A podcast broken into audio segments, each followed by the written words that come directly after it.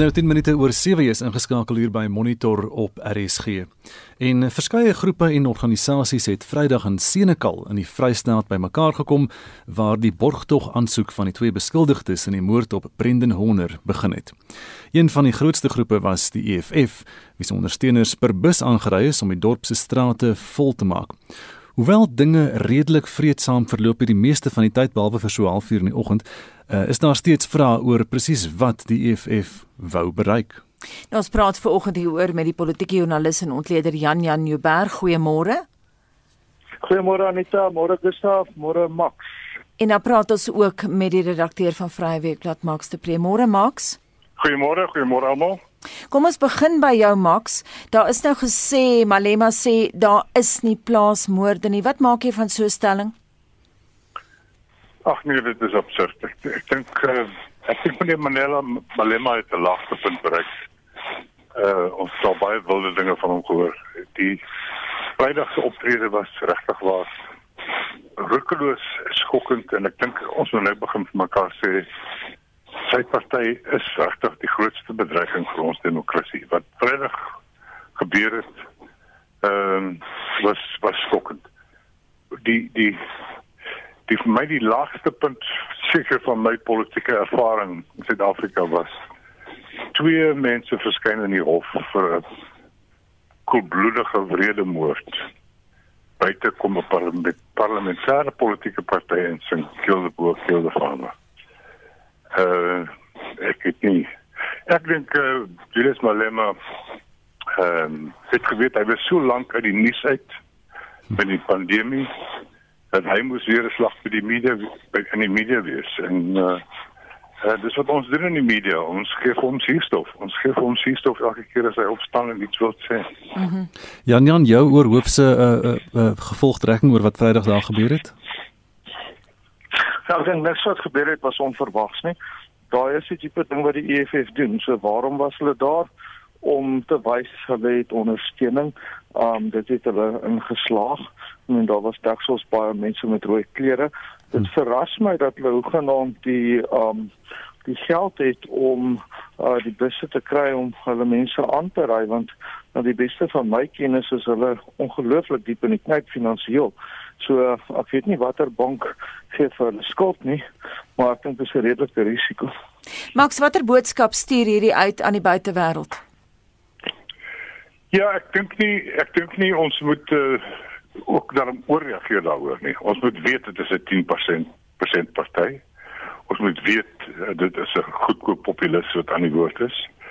Ehm um, maar ja, dit is 'n bietjie van 'n speel wat ons opgehou word. Ehm um, dat uh, daar is nog uh, moeilike probleme in die land die die die rasse het teen mekaar opgestaan uh uh Vrydag en ek dink nie dit is heeltemal 'n refleksie van wat in ons in ons gemeenskap aan die gang is nie.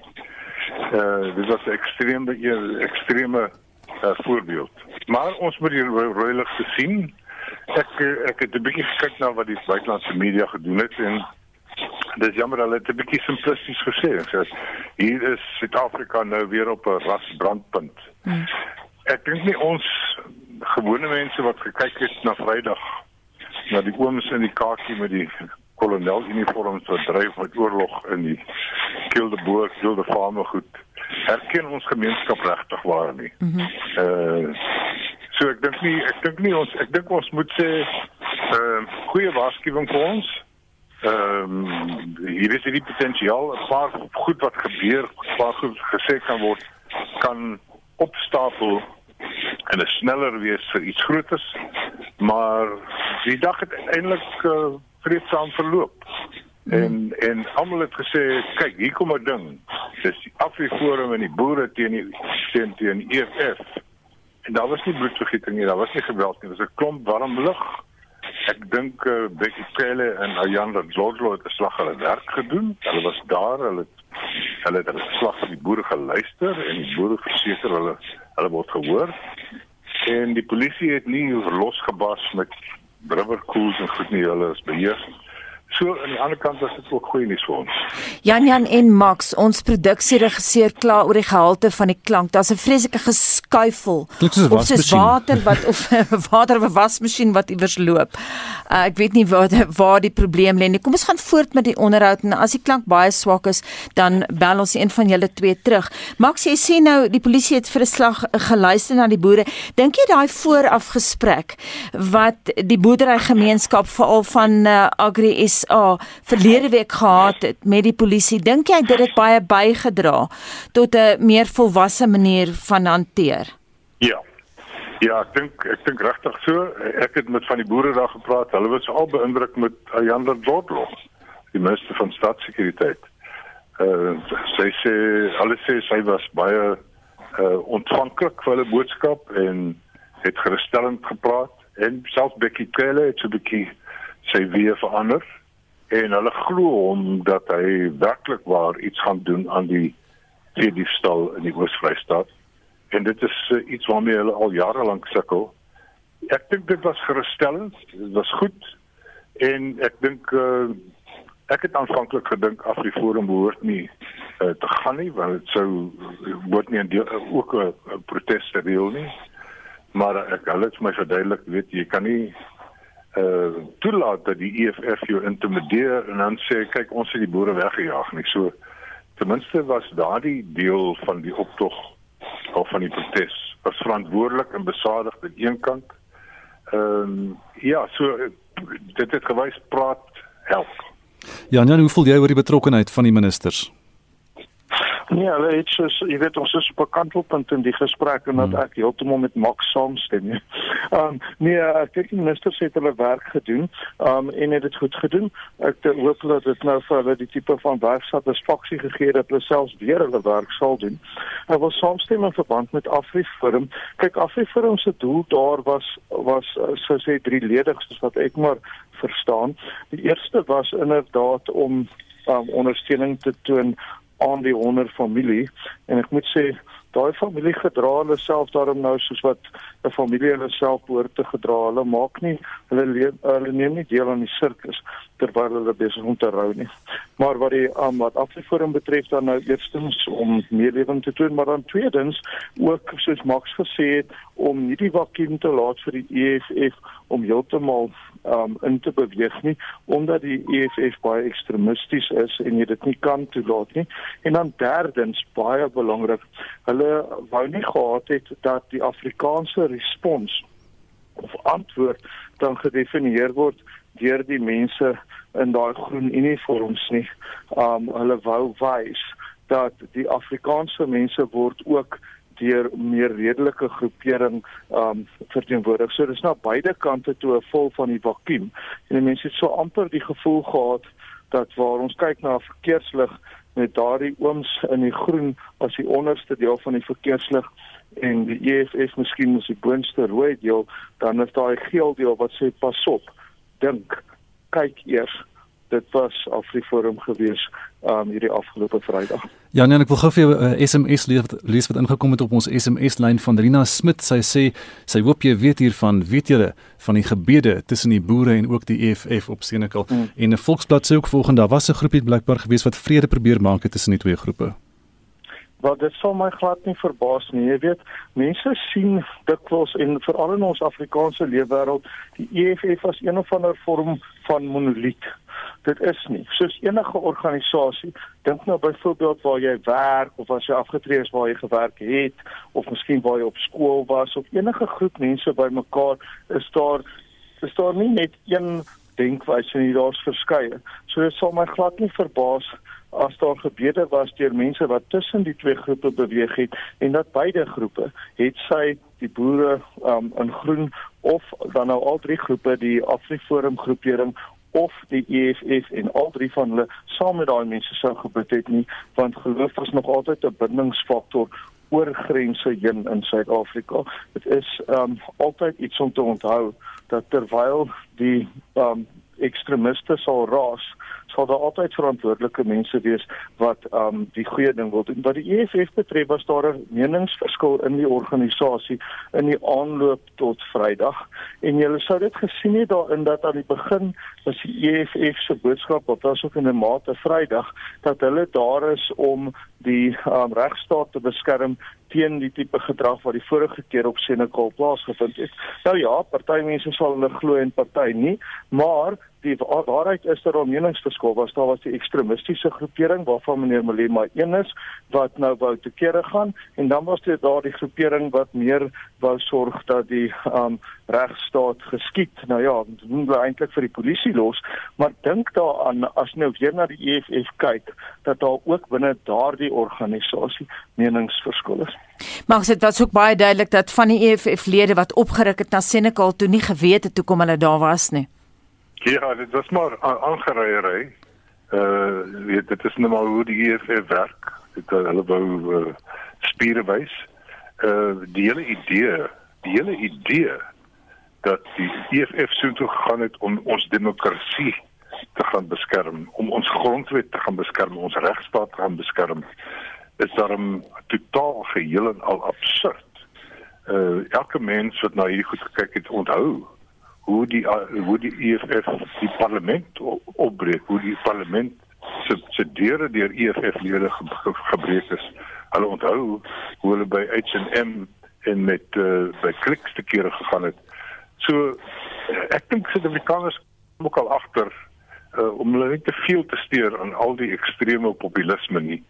Ehm um, en soos Jan Jan sê, ehm um, uiteindelik is die boodskap daar's 'n klomp willejakkalse, maar ons in Suid-Afrika wil nie regtig die bloed sien vloei nie. Mm. Max, ek is nou bly jy gebruik die woord eh, wille jakkals want dit gee my nou 'n kans om die volgende vraag te vra, nie dat hy wild is nie. Ons het verlede week met Jakkals Leroux gepraat. nou hy is um, van Vrystaat Landbou, hy is die voorsitter van landelike die landelike veiligheidskomitee daar en hy het sy kommer uitgespreek oor die feit dat hierdie situasie op Senekal gekaap word deur links en regs. Ja, ek dink ek dink ook uh, dit is nogal uh, is nogal gekap. Uh, ekstremiste, populiste sit en wag vir oomblikke soos die vir soet van simboliese uh hoe emosie oomblikke en dan spring hulle daarop en ek dink uh, ek is 'n bietjie teleurgestel in hoe die media dit hanteer het want ons het soet van saamgespeel en gesê ja, hier's nou 'n lekker ding. Ons met al ons kameras en ons mikrofone en ons verslaggewers stuur en plek van 'n bietjie terug te staan en te sê hier is die konteks hiervan. Ehm um, dit is nie heeltemal so verskriklik erg. Ons is nie op die rand van 'n burgeroorlog hier nie. Uh hierdie ouens is populiste. Ek dink ons in die media moet mekaar in die oë kyk en sê hoeveel suurstof moet ons vir ekstremiste soos Malema gee? Mm. Hy is 'n parlementêre par, par, party, 'n leier parlementêre party met 10% van die stem. Maar dit beteken nie hy moet elke keer as hy sy mond oopmaak regstreeks op televisie wees nie. Nou die VF+ leier Dr Pieter Groenewald sê Malema predik openlik haat en geweld en hy moet aanspreeklik gehou word in belang van almal in die land. Ehm um, die party dan ook 'n klag gaan lê by die Menseregte Kommissie uh teen uh, teen Julius Malema na die uh, Kill the Boer gesingery uh voor die hof daar. Maar uh, Jan Jan dink jy die Menseregte Kommissie gaan gaan iets doen hier? Maar ons sal moet sien, jy weet dit is vir die menseregte kommissie om te bepaal.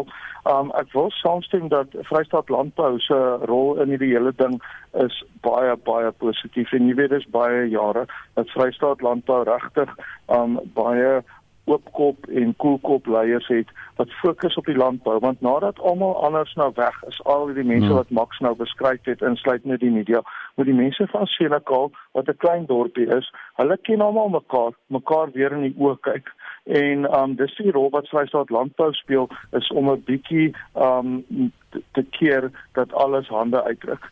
Die ander punt wat Max gemaak het is 'n interessante een mm -hmm. want dit plaas die media redelik, jy weet, die besluitnemingsproses binne die media redelik onder die um vergrootglas. En die vraag hier is wat maak jy nou hmm. in so 'n geval? Dek jy dit of dek jy dit nie? Hmm. Nou moet mense hulle self afvra was die klomp EFF mense daar omdat daar baie media was of was daar baie media omdat Omdat daar 'n die E- klomp mm. EFF Ja. mense was? Hmm. En dit is die sleutelvraag. So sou mense wou hê dat die media feite verswyg. Ons sit in 'n situasie waar ons nou tussenverkiesings lank nie gehad het nie as gevolg van koronavirus. Die vorige groot tussenverkiesing wat ons gehad het was in Schweizerreinike geweest en daar was vreeslik klem op die stryd tussen die Vryheidsfront en die DA. Die uiteinde van die saak was dat die Vryheidsfront en die DA met presies dieselfde uitslag teruggegaan het as voorheen in daai raad. Elkeen het nou een setel net soos hulle gehad het. Die Vryheidsfront het ag die um, EFF het gegroei van 2 setels na 5. Dit beteken dis meer as verdubbel. En daar was geen media op Swaaierreinike vir daardie tussenverkiesing nie. So mense moet versigtig wees. Ek stem saam met al Max se kritiek op die EFF natuurlik. Almal van ons doen. Die punt is nou as jy die media is, ignoreer jy die groepering wat teen um van 2 tot 5 um groei of um of is jy besig om die beriggewing te doen? En ek sien nou ja, niemand- November is daar niemand- 96 niemand sê jy moet hulle ignoreer. munisipale verkiesings. Nee, Dis wat een- net kom op Max. Ja. Max wag net 'n oomblik. Ehm um, dat daar's nou 96 tussen verkiesings wat opkom op die 11de November en dan sal ons sien wat die partye doen. Maar my voorspelling en natuurlik is dit nie wat ek wil hê nie, maar my voorspelling is dat die EFF taamlik stewig gaan groei in die vakuum wat die ANC laat deur sy swak leierskap omdat die ander partye daai vakuum nie vul nie. Max, dis dis 'n moeilike nuusbesluit daar in die hitte van die oomblik as jy nou regstreeks op televisie is en hier gebeur al hierdie aksie, moet jy dit dek of moet jy dit nie dek nie? Baie van ons luisteraars het gekla daaroor ook dat dat dat is so genaamd gesê Ja. dat dat Malema gesê daar is nie iets soos plaasmoorde nie. Nee, ek dink dit dit moet dit ons moet weet wat hy dit gesê het. En ek Hmm. meen dis waar ek met Jan Jan verskil. Dis nie moet ons hulle ignoreer nie. Natuurlik nie. Ons is 'n demokrasie. Die die die kykers, die luisteraars, die die die uh, die publiek moet weet wat daar gebeur het. Dis hoe dit gebeur. Hmm. Dit is om klakkeloos die kamera aan te sit en te sê hier gaan Julius Malema nou sy gif uitspieg. Ons gaan dit vir 'n halfuur lank lewendig uitsaai. Hmm. En hy weet dit. En dit is dit is dit is verkeerd. Mm -hmm. Jy doen verslag daaroor, jy kontekstualiseer dit. Mm. Jy uh, jy jy doen jy gee balans. Jy gaan na die afdeforum kant toe, jy gaan na die gewone mense toe. Mm. Dis hoe jy dit doen. Dis nie hierdie die die die lui manier om hmm. te sê kom ons gaan vir die grootste sensasie. Hierdie man gaan nou iets wild sê. Kom ons laat die kameras rol. nie. Ja. Jan Jan, dit help natuurlik ook om die aandag af te trek van FBS. sien hoe kyk net dis dit dit sien ons mos nou voor die sondekommissie aan um, waar FBS FBS is nou die Wenda ontwikkelingsbank waar die EFF heel wat geld gekry het en die arme mense wat daar belê het nogal ontsettend min. Um en daardie saak kom nou voor die sondekommissie voor. En wat ons sien met die sondekommissie, hulle het nou na wat berig word en hierdie is nuus ook vir meneer Malema en vir sy uh, kollega meneer Floyd Shivambu, um wat ja, uh, hulle het nou gehoor dat hulle bankrekords die word nou aangevra deur die sondekommissie. Wat ons gesien het vir die sondekommissie van staatskaping is dat baie mense insluitende ene oud president Jacob Zuma baie lawaai maak voordat hulle voor daai kommissie verskyn en dan soos botter voor 'n uh, um of botter op 'n pan smelt die oomblik wat um daai um harde lig van die sondekommissie op hulle skyn. En uh ek dink meneer Malema en meneer Sibambo moet om by daardie beeld te bly hulle maar vets meer want die moeilikheid is op pad. Max, vinnig jou reaksie op hierdie jongste nuus in die Sunday Times gister oor die bankrekeninge? Ja, dit dit eh, dit kom en dit is baie interessant. Die, die party wat so die regstaat verdedig en die demokrasie verdedig, gaan toe heen en loods 'n verskriklike persoonlike aanval op regte sonde mm. en sê hy's 'n agent en jy weet en hy, hy uh, daar het ons die ware kleure gesien. Dit is dieselfde reaksie wat ons van Jacob Zuma gekry het. Nee, ek dink die die sondekommissie is besig om spoed op te tel uh, Samila Batoy en Hermione Cronje is besig om spoed op te tel. Ek dink ons kan sê die wiel het begin draai.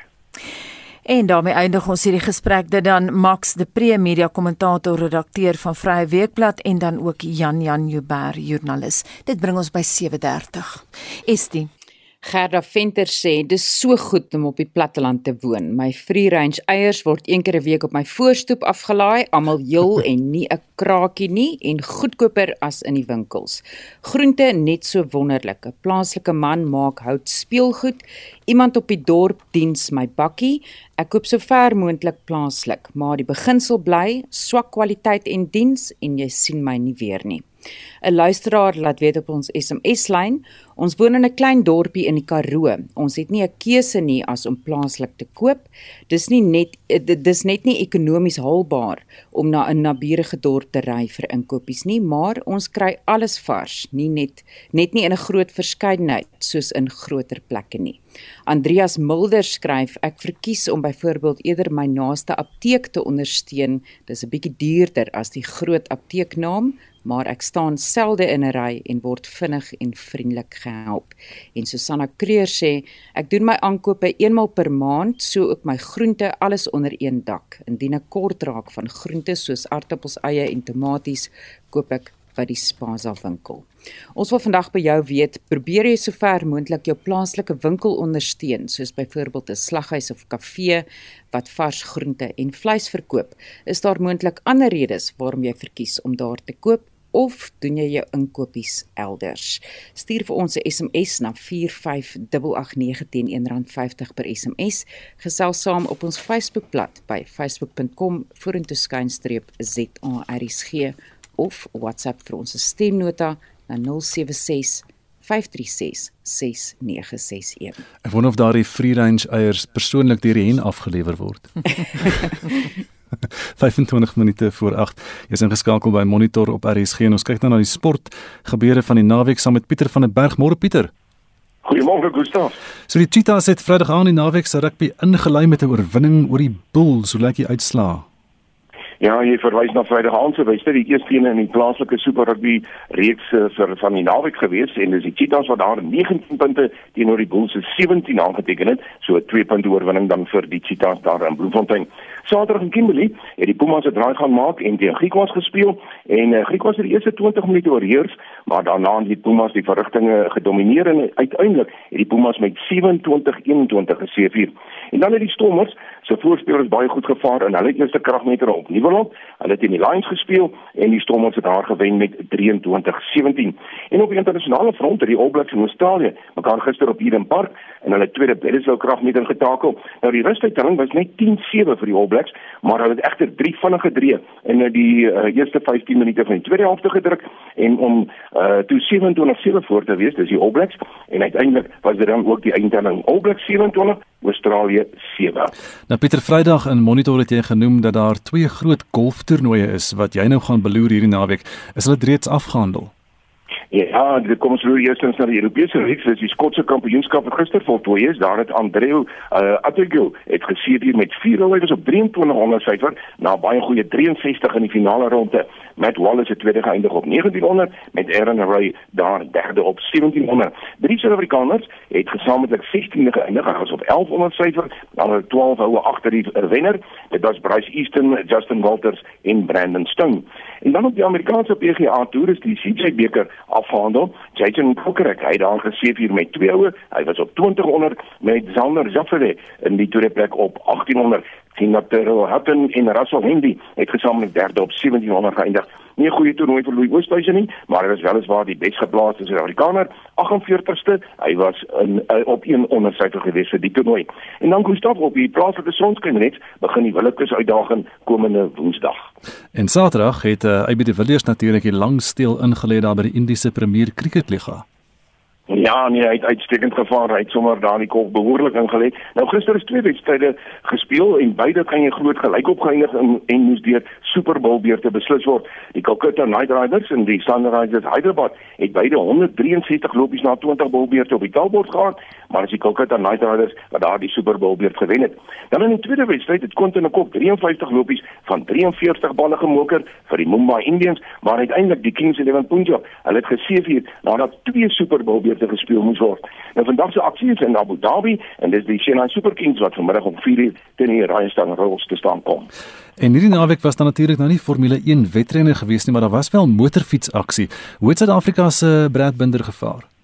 Ja, Breiter was so 'n klompie weke gelede het hy uh, in MotoGP sy eerste oorwinning behaal, mm. maar dit was die GP van uh, Aragon wat gister in Spanje gejaag is en is Breit Binder wat daar 11de oor die eindstreep gejaag het. Alex Rins, hy het gesê vir daar op sy Suzuki X-Star met Alex Marquez in die tweede plek en John Mir in uh, van Spanje. Hy op, was op sy Suzuki daar derde. Op die punteleer is John Mir die voorloper. Hy het 121 punte met Fabio Quartararo op 'n Yamaha 2 met 105. Breit Binder Binder, hy is 11de op die punteleer. Hy het 67 punte agter sy naam.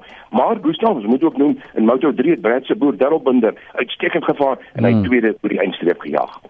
Die uh, die tennisbaan aksie was hierdie naweek in Europa gewees. Het jy vir ons 'n opsomming daar? Ja, kom ons loop na twee toernooie se uh, eindstryde wat gister afgehandel is in die binnenshuise toernooi daar in Duitsland. Was Alexander Zverev te sterk vir Felix Auger-Aliassime. Die telling daar was uh, 6-3 en 6-3 in die eindstryd. En dan by die St. Petersburg Open in Rusland het Andrei Rublev vir Borna Koric uh, met 7-6 en 6-4 in die eindstryd afgestof. En dan belangrike nuus, die nasionale netballiga het uh, verlede Woensdag in Bloemfontein begin. Watter spanne vaar goed daar? Ja, weet jy, dis vyf wedstrye dag, so dis baie besig. Vandag begin die aksie weer eh, van 9uur af wanneer die Stars en die Stings speel, maar ek dink ons moet loer na gister se uitslae net kortliks. Die Southern Stings, hulle het die Criminals met 37-36 getroof.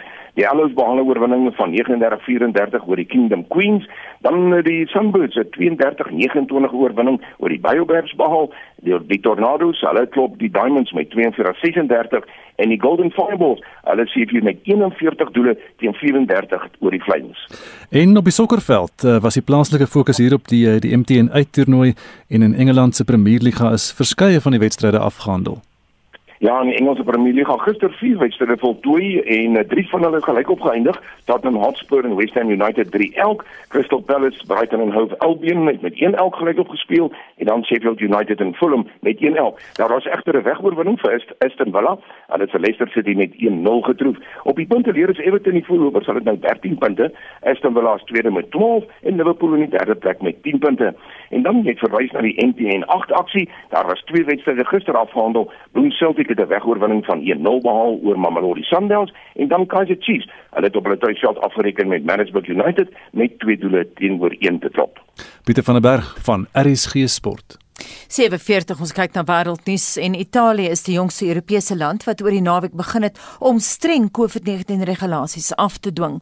Sondag is 11705 nuwe gevalle daar aangeteken. Verskeie ander lande in Europa het ook hulle maatreëls opgeskerp en Marlenae het vir ons al die agtergrond daar. Marlenae Burgemeesters in Italië sal nou toegelaat word om opdrag te gee dat openbare gebiede na 9 in die aand moet sluit. Die aantal mense wat openbare plekke besoek gaan ook beperk word en die land se premier Giuseppe Conte sê die nuwe regulasies is belangrik om weer 'n grendelstaat te vermy.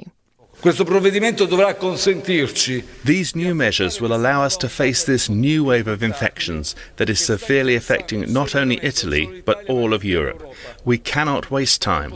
We have to act by putting in place all the necessary measures to avoid a general lockdown.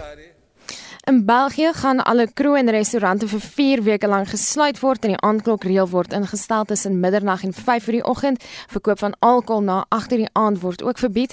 In Switserland is dit van vandag af verpligtend om gesigmaskers in openbaar te dra by einkomste van meer as 15 mense verbied. En in Ierland word strenger inperkingsmaatreëls vandag bekend gemaak. Die regering meen plaaslike beleid in die verband is swak en dat vlak 4 van inperking op die kaarte is en in Ierland beteken dit dat alle sake onder ondernemings wat nie as kernonderneming ondernemings beskou word nie gesluit moet word. China se ekonomie het intussen na die virus en die pandemie daar tussen Julie en September gegroei met 4,9%. Nou gaan ons na Parys. Duisende inwoners dwars oor Frankryk het gister deelgeneem aan betogings ter ondersteuning van onderwysers en vryheid van spraak. Dit nadat die onderwyser Samuel Paty onthoof is in 'n beweerde terreurvoorval. Patie is verlede Vrydag deur 'n 18-jarige man aangerand buite die skool waar hy gewerk het. Nou hy het vroeër die maand die onderwyser in 'n klas oor vryheid van spraak strokiesprente van die profeet Mohammed gewys, onder meer die van die satiriese Franse tydskrif Charlie Hebdo. Nou in Islam word dit verbied om die profeet visueel uit te beeld. Die aanvaller is kort na die voorval doodgeskiet deur die polisie en 11 mense is sedertdien in hegtenis geneem. President Emmanuel Macron het die voorval veroordeel en as terreuraanval bestempel. En dan gaan ons na Latyns-Amerika en Santiago. Ja, Anita, daar is ook massa betogings gehou gister. Twee kerke is afgebrand en verskeie mense is beseer tydens 'n aanvanklik vredesame betoging teen die ekonomiese ongelykheid wat in die land heers. 'n Polisiekantoor is aangeval, verskeie polisievoertuie is aan die brand gesteek en winkels is geplunder. Dieselfde betogings is verlede jaar die tyd gehou. Nes toe is die weermag ook oor die naweek ontplooi om betogers uiteen te jaag. En ook belangrik hierdie komende naweek stem die Chilene oor moontlike veranderinge veranderings aan hulle grondwet want die grondwet is tydens die junta jare daar gestel. Intussen is daar nog 2 weke oor vir die Amerikaanse presidentsverkiesing en die twee kandidaate Donald Trump en Joe Biden werk nou alles in die stryd om kerndeelstate in die land oor te wen. Terwyl Trump hom op die inwoners van die deelstaat Nevada toegespits het, was Biden in North Carolina en albei kandidaate het kiesers aangemoedig om vroeg te stem en natuurlik teen mekaar uitgevaar. Trump said in one of his rallies, We've turned the corner. And my grandfather would say, This guy's gone around the bend if he thinks we turned the corner. Turn the corner. Things are getting worse. He continues to lie to us about the circumstances. Because this president cares more about his Park Avenue perspective on the world, the stock market, than he does about you. Because he refuses to follow the science. If you vote for Biden, he will surrender your jobs to China. He will surrender your future to the virus. He's going to lock down. This guy wants to lock down. He'll listen to the scientists. If I listened totally to the scientists, we would right now have a country that would be in a massive depression. Minstens 27,9 miljoen Amerikaners het reeds hulle krisis in persoon of deur die pos gemaak. En dit was Madeleine met vanoggend se wêreldnuus gebeure. Dis nou kwart voor 8 uur by Monitor en 29 humanitêre organisasies het 'n gesamentlike oop brief aan die Griekse regering gerig waarin hulle vra dat vergrype teen onwettige migrante ondersoek word. Monitor het met een van die organisasies Human Rights Watch se verteenwoordiger in Athene, Eva Kosse, daaroor gepraat.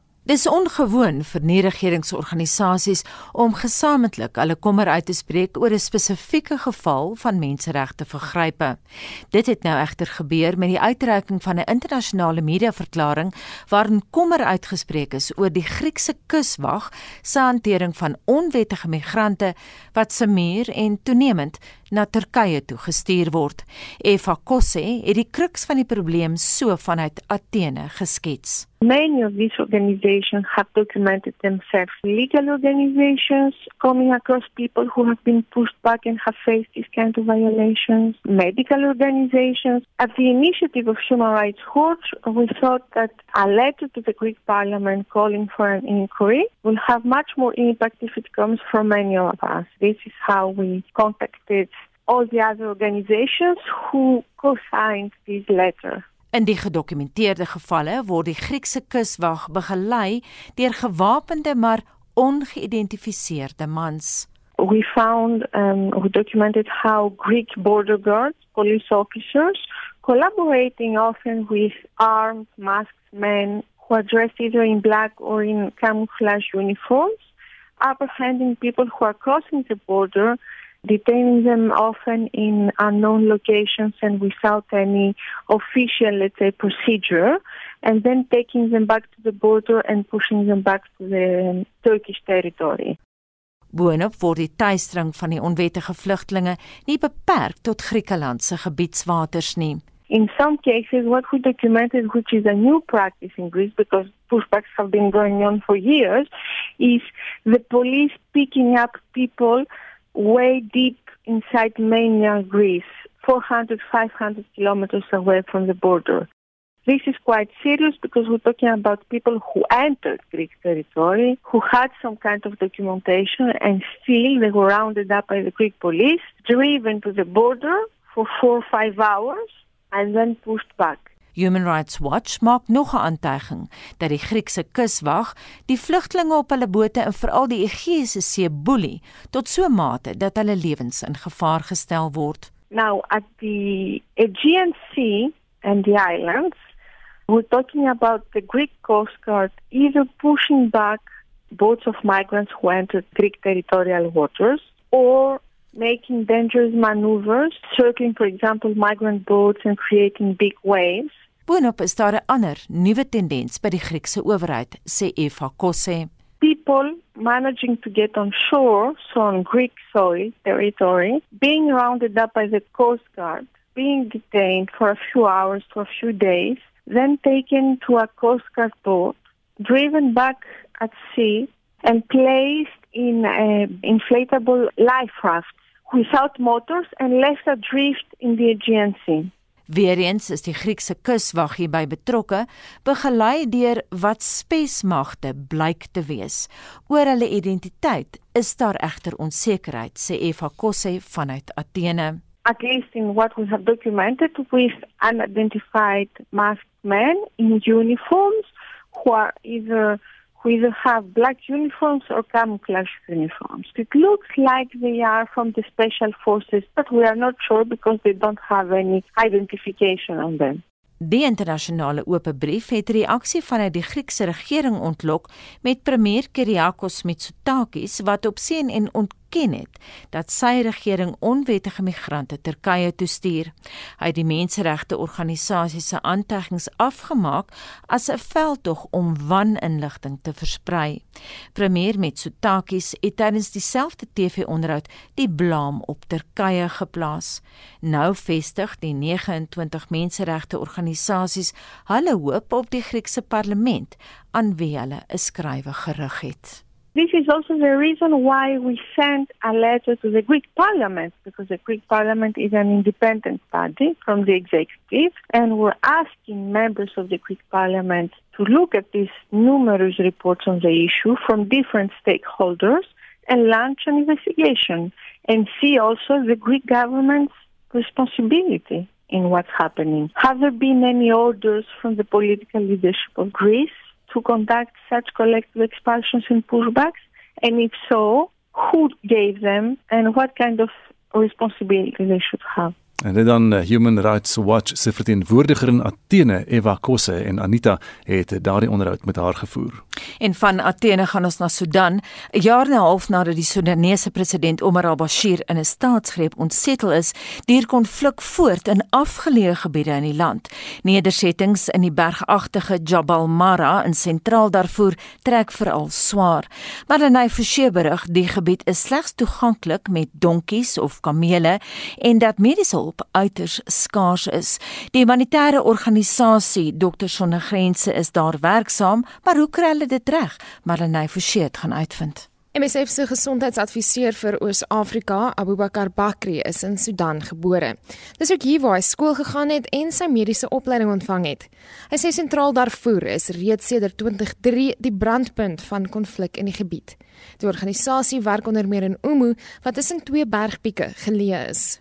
The area is quite wide and dispersed with no roads, for example. It's very difficult, rocky terrain, no development projects, as I said.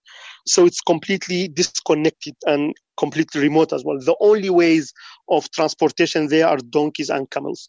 They go through very narrow and slippery roads over the mountain. So just to uh, refer a patient or to reach places where there's markets to buy food and products is something really very difficult. Ten spyte daarvan dat al-Bashir uit die kussings gelig is, is daar weinig verandering hier waar konflik dikwels opvlam. Because of the conflict, we see lots of wounded patients, we see uh, gunshot wounds, but on top of that, we see all different types of medical issues like malnutrition. Pregnant women can't find enough care. Uh, they don't go to antenatal care. They don't have it. So we see lots of complicated pregnancies and complicated deliveries. The outcome of these deliveries and pregnancies always also complicated uh, situation for the neonatals. Uh, in addition to that, because of the lack of health services, most of the uh, normal conditions like for example simple diabetes hypertension can become very complicated and they come very late in severe situations and severe conditions as well Bakri sê egter die mediese span is nie bang om hulle moue op te rol nie. We use donkeys. We load them with uh, drugs and medicine and materials uh, and also therapeutic food. And we go to, to the mountains. Our team use them on daily basis to reach uh, places like for example umo which as i said it's enclave between two summits in, on the top of the mountain. We train some of the local populations. There are traditional birth attendants there are some healthcare providers or healthcare uh, staff among the displaced people. So we train them and we use them at least to identify uh, some of the danger signs and then refer them to our clinics. In Omu, we have an emergency room, a simple one, outpatient consultations, and also we do antenatal care consultations for pregnant women, in addition to therapeutic uh, feeding centers to treat malnourished kids. Die gemeenskap hier is hoofsaaklik landbouers wat in die tyd gewoond is aan klippekou. People usually live on what they grow.